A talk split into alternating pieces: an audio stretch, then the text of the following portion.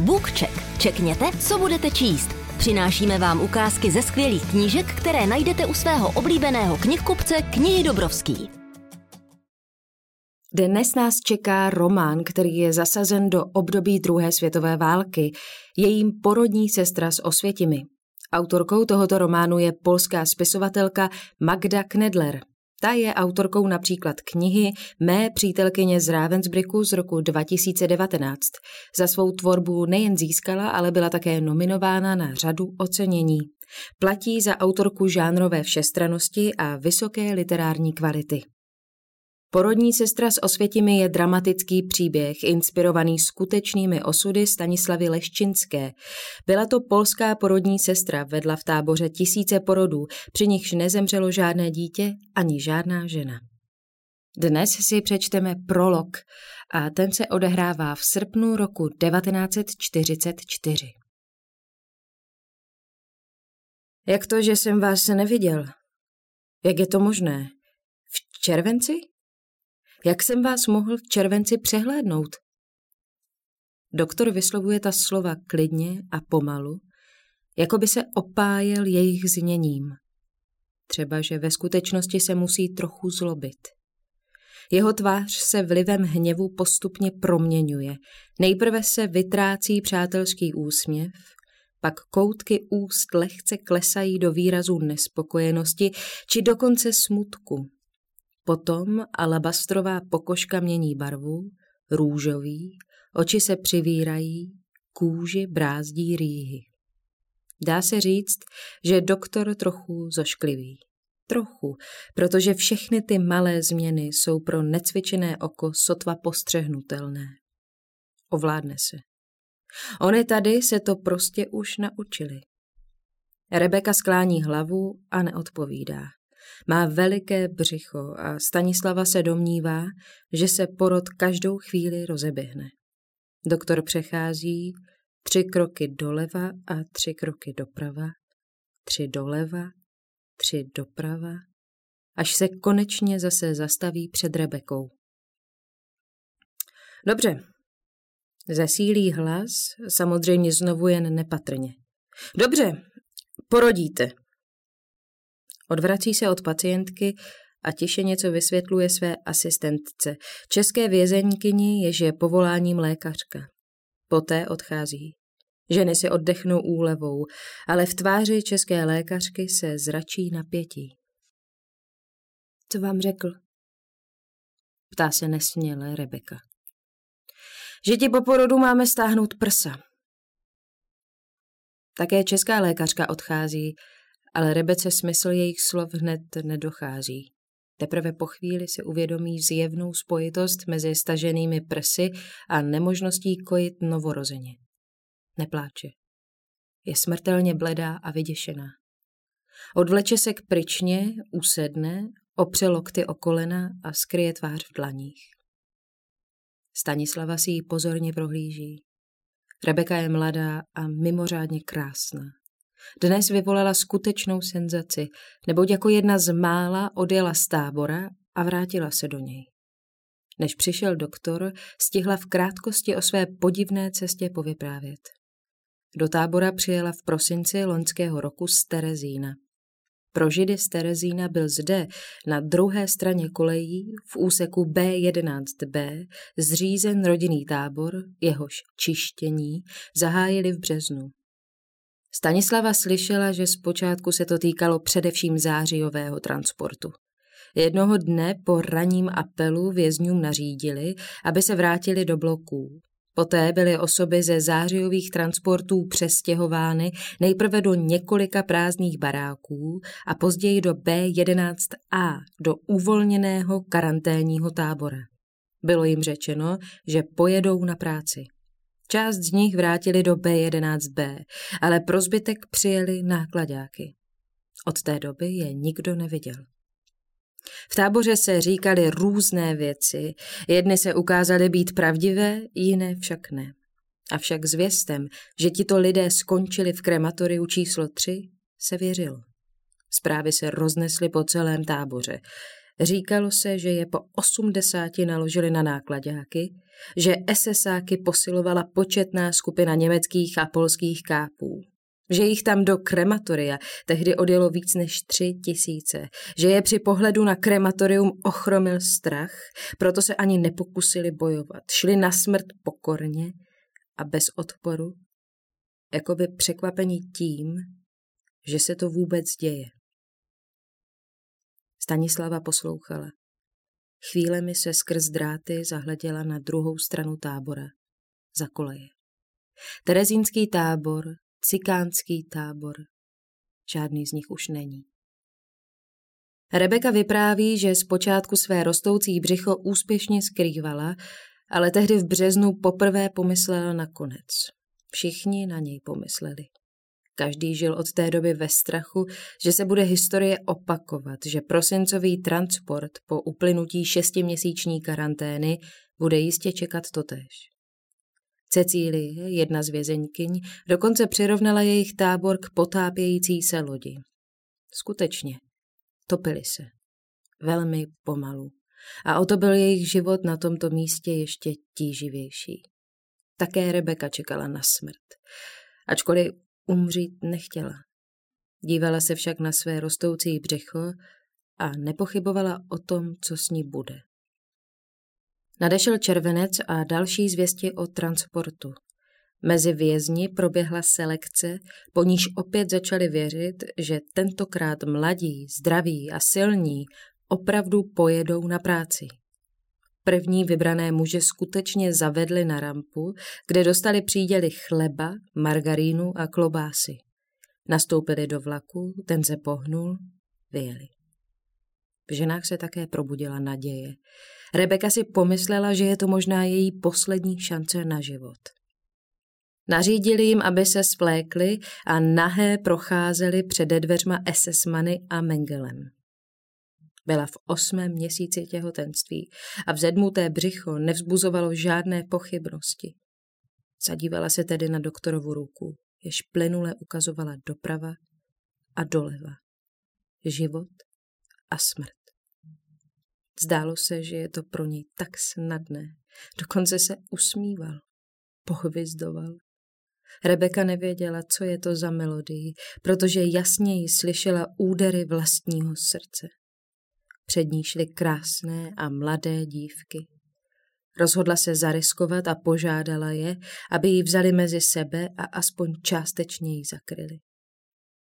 Dívky se semkly do sevřeného hloučku, jedna vepředu, dvě po stranách, Rebeka uprostřed. Všechny dohromady vypadaly krásně, zdravě, mladě. V Rebece však sílil pocit beznaděje.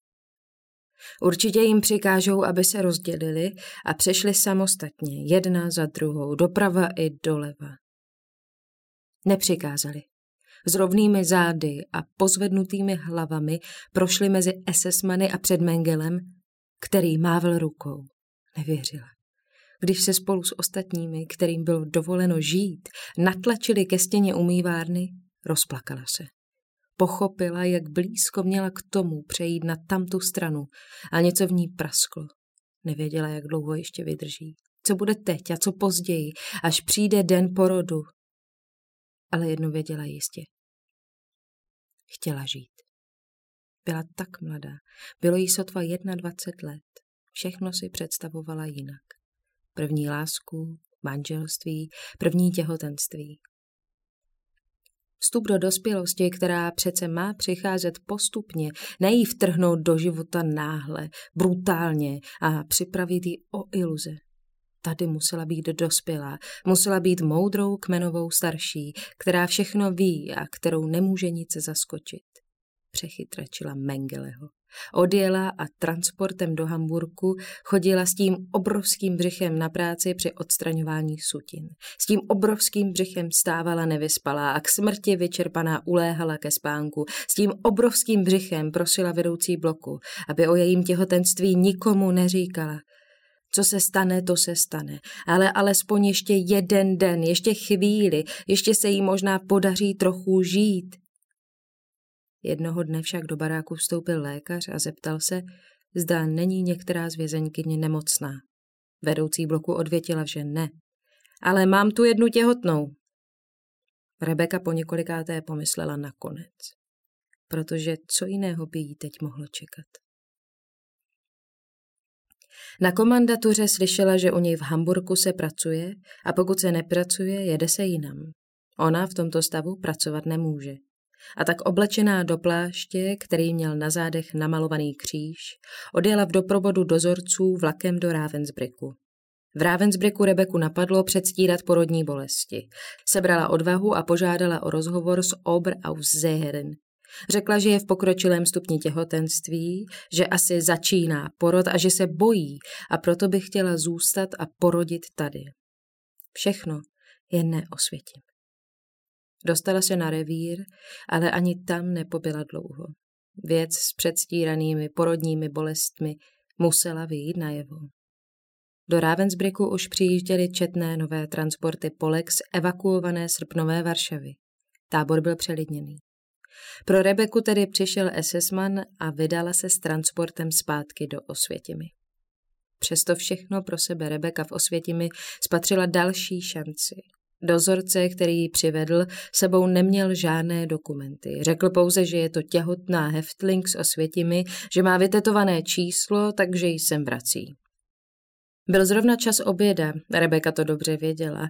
SS-man za psacím stolem vypadal netrpělivě. Jméno, příjmení. Rebece se zatmělo před očima. Uvedla falešné příjmení, české. Ovšem měla číslo.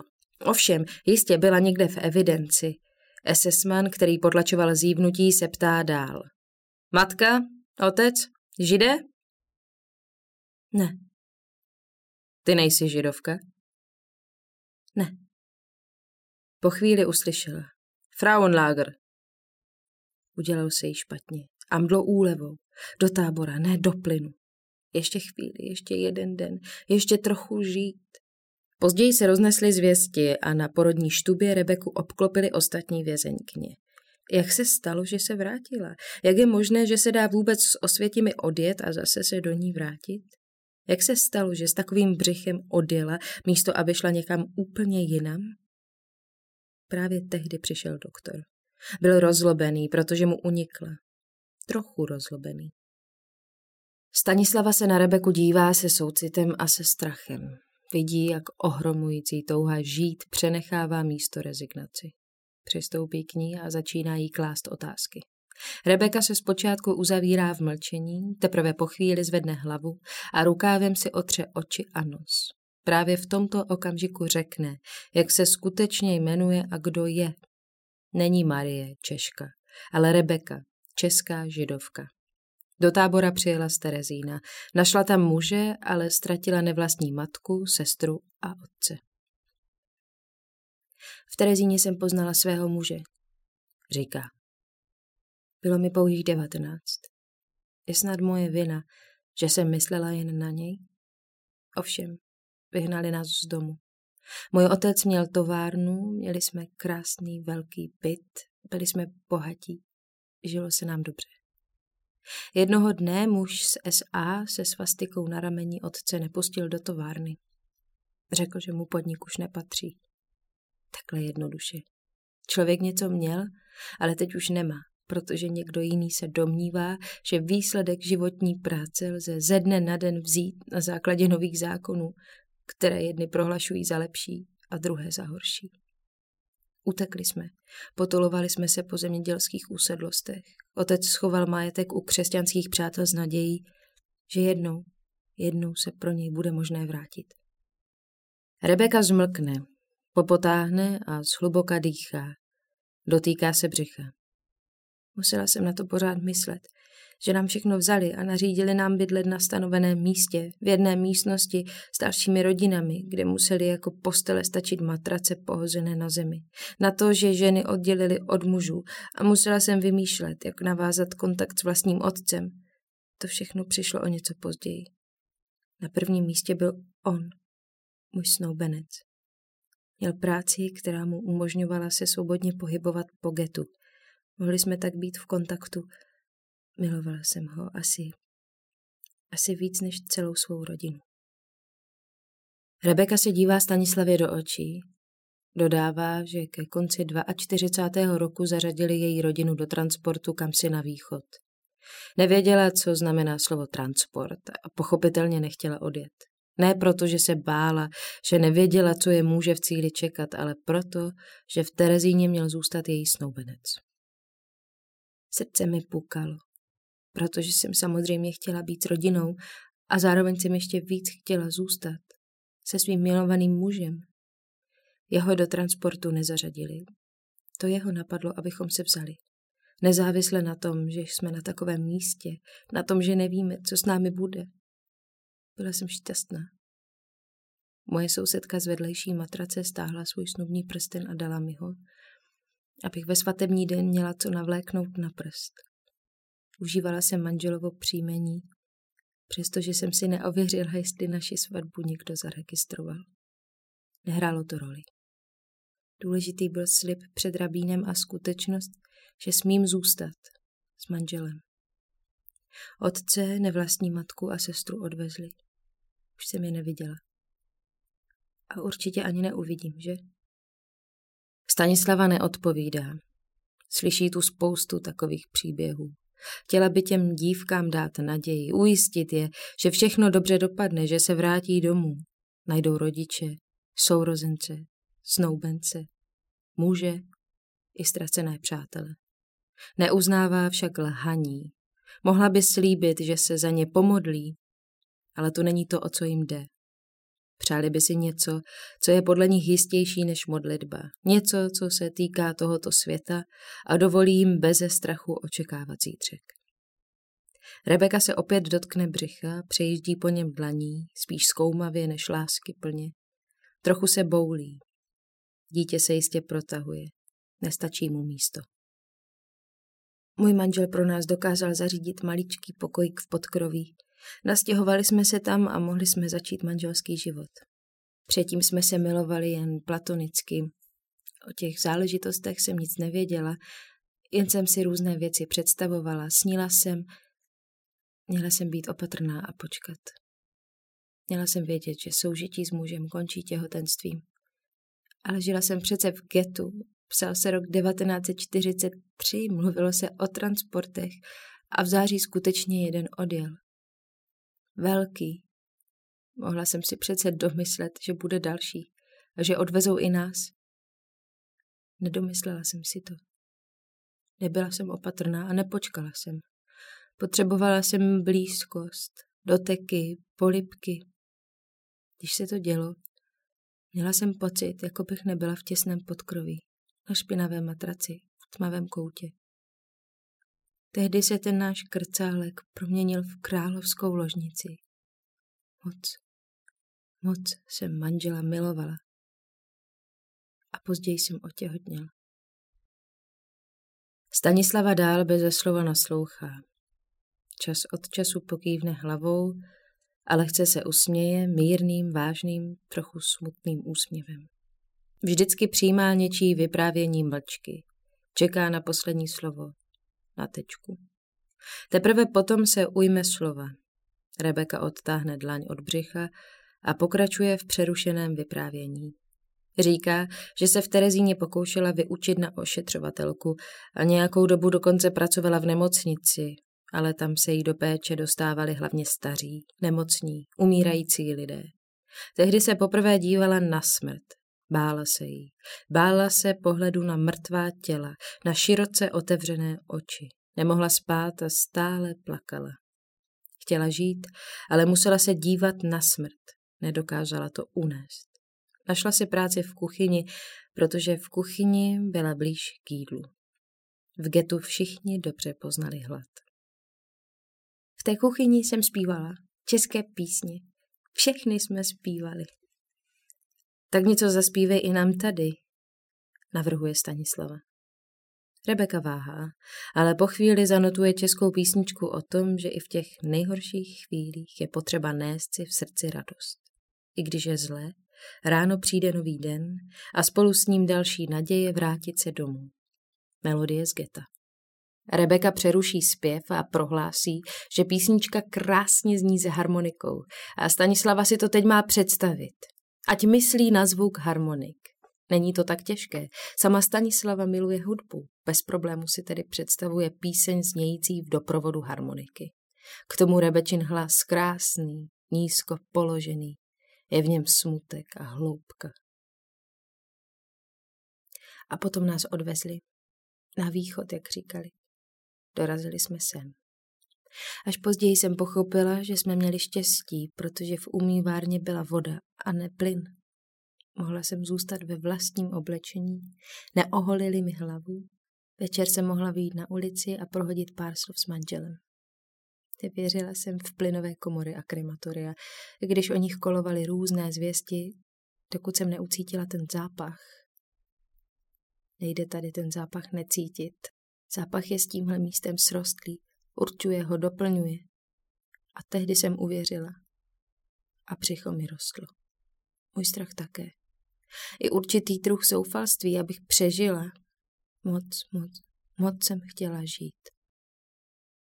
A teď? Zeptá se Stanislava. Rebeka se na okamžik zamyslí, načež pomalu zavrtí hlavou. Teď už to nemá význam. Slyšela jste, co říkal? Stanislava ho slyšela, ale nikdy nedokázala odhadnout, jak se nakonec rozhodne. V jeho chování byla spousta rozporů. Uměl člověka překvapit, jak pozitivně, tak i negativně. A Rebeka ho rozčílila. Cítil se kvůli ní podvedený, nedostatečně všímavý, slabý. Asi už je to tu, řekne dívka a jako napovel se předkloní. Stanislava se zvedne z pryčny, rozloží na kam na špinavou deku, jedinou, kterou se jí dnes podařilo sehnat. Pomůže Rebece vstát, vidí její mokré a zašpiněné oblečení, její orosené čelo. Má kousíček buničiny pro dítě a trochu vody ušetřené v kýblu. Omyje jí novorozeně, až se narodí. Od někud vytáhne růženec, který si obstarala a začne se modlit a později pomáhá Rebece uvěřit, že nezávisle na doktorově rozhodnutí je potřeba dítěti ulehčit příchod na svět. Je potřeba dýchat, spolupracovat, šetřit silami, nevzdávat se. Rebeka přivede na svět dceru. Stanislava dítě omije, zavine do buníčiny, položí k matce. Rebeka pláče, je k smrti vyčerpaná a hrozně se bojí. Stanislava se vroucně modlí, tak vroucně jako snad ještě nikdy, protože cítí náhle ochromující mrazení. Druhý den přijde doktor, podívá se na dítě, na Rebeku, usmívá se, když říká ošetřovatelce Postupujte dle pokynů. Ošetřovatelka jí obvazem stáhne prse, aby nemohla kojit. Mrazení sílí. Stanislava si mne ruce, choulí se. Rebeka se dívá jen na ně. Na porodní sestru a na doktora. Určitě neví, u koho z nich má žadonit o pomoc. Doktor tady má moc, ale v jeho očích se zračí prázdnota. Když odejde, pohledy žen se potkají. Obě už vědí, že tahle situace nemůže dopadnout dobře. Stanislava pozorovala doktora už několikrát. Dnes jí však připadá, jako by překročili z té hranice, takové za nimiž už nic není žádná pravidla a žádné hodnoty. Možná je však překročil už dřív, dávno, a proto se usmíval. Dítě pro něj nebylo malým člověkem, počátkem nového příběhu, který je třeba vyplnit obsahem, ale výzkumným materiálem. Necítil nic než zvědavost. Rebeka a její dcera leží na pryčně vedle sebe. Matka se staženými bolavými prsy a stoupající horečkou. Dítě pláče hlady a ztrácí se před očima. Doktor je navštěvuje každý den, pozoruje, pokyvuje hlavou, dělá si poznámky a odchází. Rebeka si sahá na obvaz na prsou, zatíná zuby. Fyzické utrpení snáší mlčky. Snaží se dítě krmit táborovou polévkou a kousky chleba. Ví, že to je k ničemu, že to není jídlo pro novorozence. Maličká pláče a je pořád menší a menší. Jednou ráno, když si doktor dělá poznámky, se Stanislavě zdá, že už to dál nevydrží. Chce něco říct, možná ho prosit, možná ho napomenout, trochu jako syna nebo mladšího bratra, který zapomněl, co znamená být člověkem. pořádku, řekne Rebece a ukazuje jí dceru. Zítra buďte nachystané, obě. Přijdu pro vás. Přijdu pro vás. To může znamenat lecos. Ale jistě ne, nic dobrého. Rebeka se dívá Stanislavě do očí. Už je to tady. Je to tady. Tentokrát pláče Rebeka, protože dítě už nemá sílu. Malé plíce pracují se značným úsilím. Malý hrudníček se zvedá jen nepatrně. Malá víčka klesají. Malý hrtan obtížně vydává tiché zvuky. Rebeka však pláče stále hlasitěji. Jestli chce žít, že se bojí, že nechce umřít, že chce umřít, protože už to nesnese. A hned zase, že ne, vůbec nechce, žadoní a ještě jednu šanci, jeden den. Co s ní bude? Kam půjdou? Ona a dítě. Proč musí umřít? Proč se to děje? Není první, kdo tady klade takové otázky. Myšlenku na blížící se smrt každý přijímá po svém. Přichází česká vězeňkyně, lékařka. Hovoří s Rebekou, ptá se, oč jde. Někam se vytratí a po chvíli se vrací s injekční stříkačkou. Stanislava nehybně strne a naslouchá jejich rozhovoru. Jsem lékařka. Slíbila jsem zachraňovat životy. Musím pro tebe něco udělat. Dej to svému dítěti. Žena podává Rebece stříkačku. Co je to? Morfium. Odneste to. Nemohla bych. To neudělám. Podívej se na své dítě. Nemá už žádnou šanci. Ale ty ji máš. Stanislava se k ním obrátí zády. Šeptá svou modlitbu. Zase vroucně. Nejvroucněji, jak umí. Slyší vzlikot, kvílení, zrychlený matčin dech, kroky odcházející lékařky. Konečně nastává ticho. Ráno se na scéně objevují stejní herci jako vždy. Přepočítávání. Vynášení těl před barák. Přinášejí řídkou ovesnou kaši z vodnatého mléka, Některé ženy popíjejí tekutinu malými doušky, aby trochu sklidnili žaludek, jiné se vrhly na polovinu světlé housky. Snídaňový příděl pro těhotné. V ostatních normálních blocích dostanou kousek mazlavého chleba a trochu bylinného čaje. Přichází i on, jako obvykle bezvadně oblečený a učesaný, v naleštěných vysokých botách. Usmívá se, zablízknou se jeho bílé zuby filmového milovníka. Blíží se k Rebece. Dobrý den, kde je dítě? Ptá se. Zemřelo. Doktor se obrátí na patě a zamíří ke dveřím. Pravděpodobně chce vidět tělo. Než se znovu objeví, Stanislavu bolí z napětí všechny svaly. Doktor kráčí pružně jako sportovec. Škoda, říká Rebece. Ale máš štěstí. Odejde. Zmizí i další herci každodenního táborového dramatu. Stanislava pomáhá Rebece zbavit se špinavých obvazů. Dívku bolí celé tělo. Zastavování tvorby mléka způsobilo zánět a další zvýšení horečky.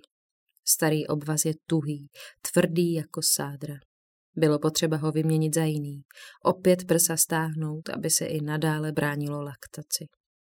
Teď už Rebeka nepláče. Na její bledé, vyzáblé tváři je viditelná rezignace. Skutečně jsem měla štěstí? Ptá se. Já nevím. Nevím. Jednoho dne ji odvedou, Stanislava se později ptá, kam transport odjel a dozví se, že vězenkyně pravděpodobně převezli do pracovního tábora u Lipska. Myslí na ní každý den. Na ní a všechny ostatní. Děkujeme, že jste poslouchali Bookcheck a nezapomeňte, že nejlepší knížky máme u nás v knihy Dobrovský nebo na našem e-shopu knihy Dobrovský.cz.